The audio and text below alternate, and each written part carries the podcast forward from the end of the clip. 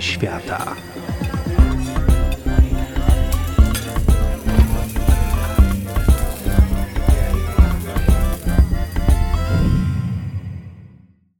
Dzień dobry. Wydawcy tego podcastu bardzo często zwracają uwagę, że podcasty powinny być uniwersalne, żeby dało się ich słuchać i latem, i zimą.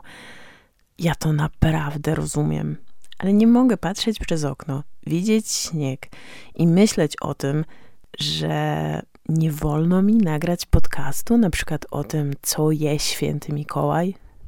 Bardzo przepraszam, ale dzisiaj wyłamie się z tej zasady uniwersalności. No więc zastanawiałam się ostatnio, co takiego je święty Mikołaj. Oczywiście to zależy, jak rozumiemy postać świętego Mikołaja. Prawdziwy święty Mikołaj pochodził najprawdopodobniej z rejonów obecnej Turcji. Ale dzisiaj jako ojczyznę Mikołaja podaje się Finlandię, a dokładniej jej najbardziej wysunięty na północ region Laponię. Obecnie miano miasta mikołajowego nosi Rowaniemi. Początkowo święty podobno zamieszkiwał inny rejon. Około 350 km od Rowaniemi znajduje się góra Korvatunturi. Pewnie zrobiłam krzywdę językowi fińskiemu. Korvatunturi to po fińsku góra ucho. No i legenda głosiła, przy czym była to legenda z lat 30. XX wieku, więc wcale nie aż taka stara. I wymyślił ją jeden z fińskich radiowców, że ta góra to właśnie ucho, dzięki któremu Mikołaj, który na niej mieszka, słyszy wszystko, co dzieje się na świecie i wie, które dzieci były grzeczne i zasłużyły na prezenty.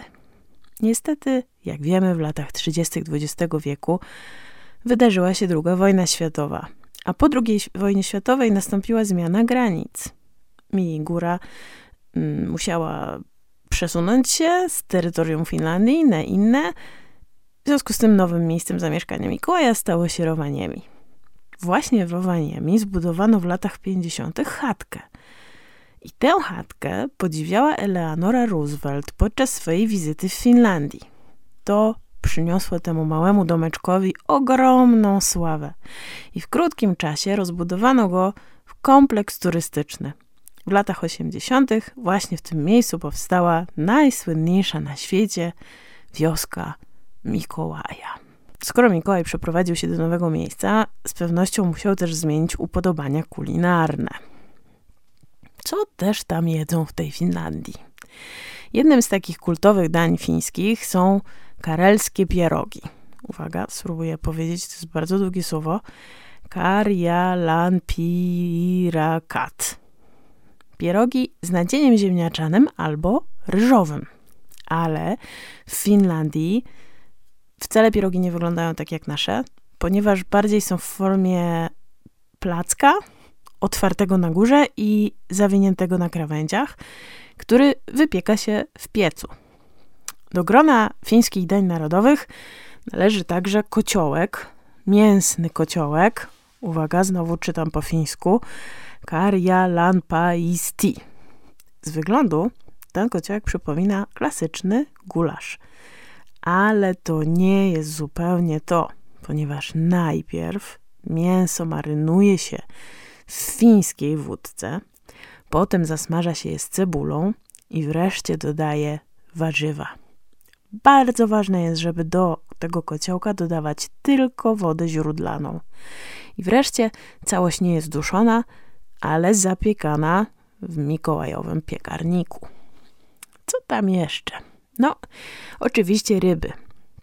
A najpopularniejszą z ryb jest łosoś. I to właśnie z niego przyrządza się tradycyjną zupę pochodzącą właśnie z Laponii.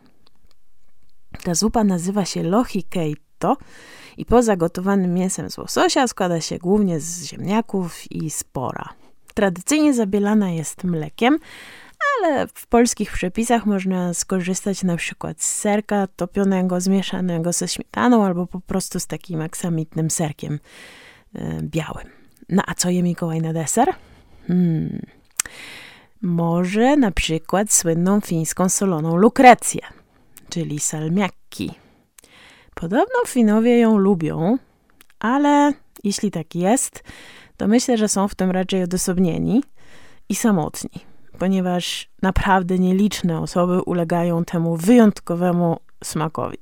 I podejrzewam, że nawet wśród rodowitych Finów już po kilku cukierkach niektórzy naprawdę nie mają ochoty. Nie wiem jak Mikołaj, ale może jeśli pomylą mu się prezenty, to za karę się tym częstuje.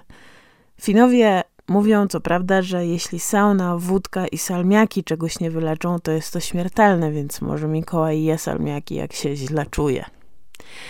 W okolicy Bożego Narodzenia pewnie raczej wsuwa joulu tortu, czyli takie ciasteczka w kształcie gwiazdkowo-wiatraczków z dżemem śliwkowym. No i wreszcie, jeśli Mikołaj wpisał się w lokalne zwyczaje, to uwielbia pączki. W Finlandii można kupić pączki w formie znanej w Polsce z marmoladą i lukrem. Można też kupić pączki amerykańskie. Ale smakiem z dzieciństwa każdego Fina są munki. Malutkie, okrągłe pączki, bez nadzienia, jedynie posypane cukrem pudrem. No to teraz zabieramy się za mikołajową zupę. Co będzie nam potrzebne? 1,5 litra wody, 100 g marchewki, 70 g selera, 3 liście laurowe, 4 ziarenka ziela angielskiego, 1 średni pomidor, 700 g filetu z łososia, sprawdźcie dobrze, czy nie ma w nim ości, oraz 200 ml kwaśnej śmietany dwunastki i 400 g serka e, kremowego. 150 g pora, ta jasna część, nie zielone liście na końcu, jeden pęczek koperku, sól, pieprz i oczywiście sos sojowy do smaku. Co robimy? Wodę solimy, dodajemy liście laurowe, ziele angielskie, pokrojoną w kostkę marchew i seler. Gotujemy, gotujemy, gotujemy, aż warzywa będą miękkie. Następnie dodajemy pokrojony w grubą kostkę filet z łososia i serek. Kwaśną śmietanę hartujemy, czyli w odrobinie zupy w osobnym pojemniczku mieszamy i dodajemy i mieszamy. Mieszamy, mieszamy, mieszamy razem z zupą. Następnie kroimy por w takie półkrążki. Kroimy pomidora w średnią kostkę i dodajemy do zupy. Mieszamy jeszcze chwilę, doprawiamy do smaku solą, pieprzem i sosem sojowym. Następnie gotujemy zupę około 5, maksymalnie 10 minut na wolnym ogniu, a następnie wyłączamy i dodajemy posiekany koperek.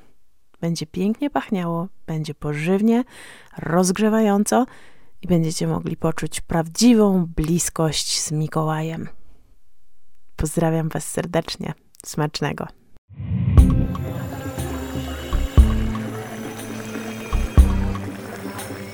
Kuchnie świata.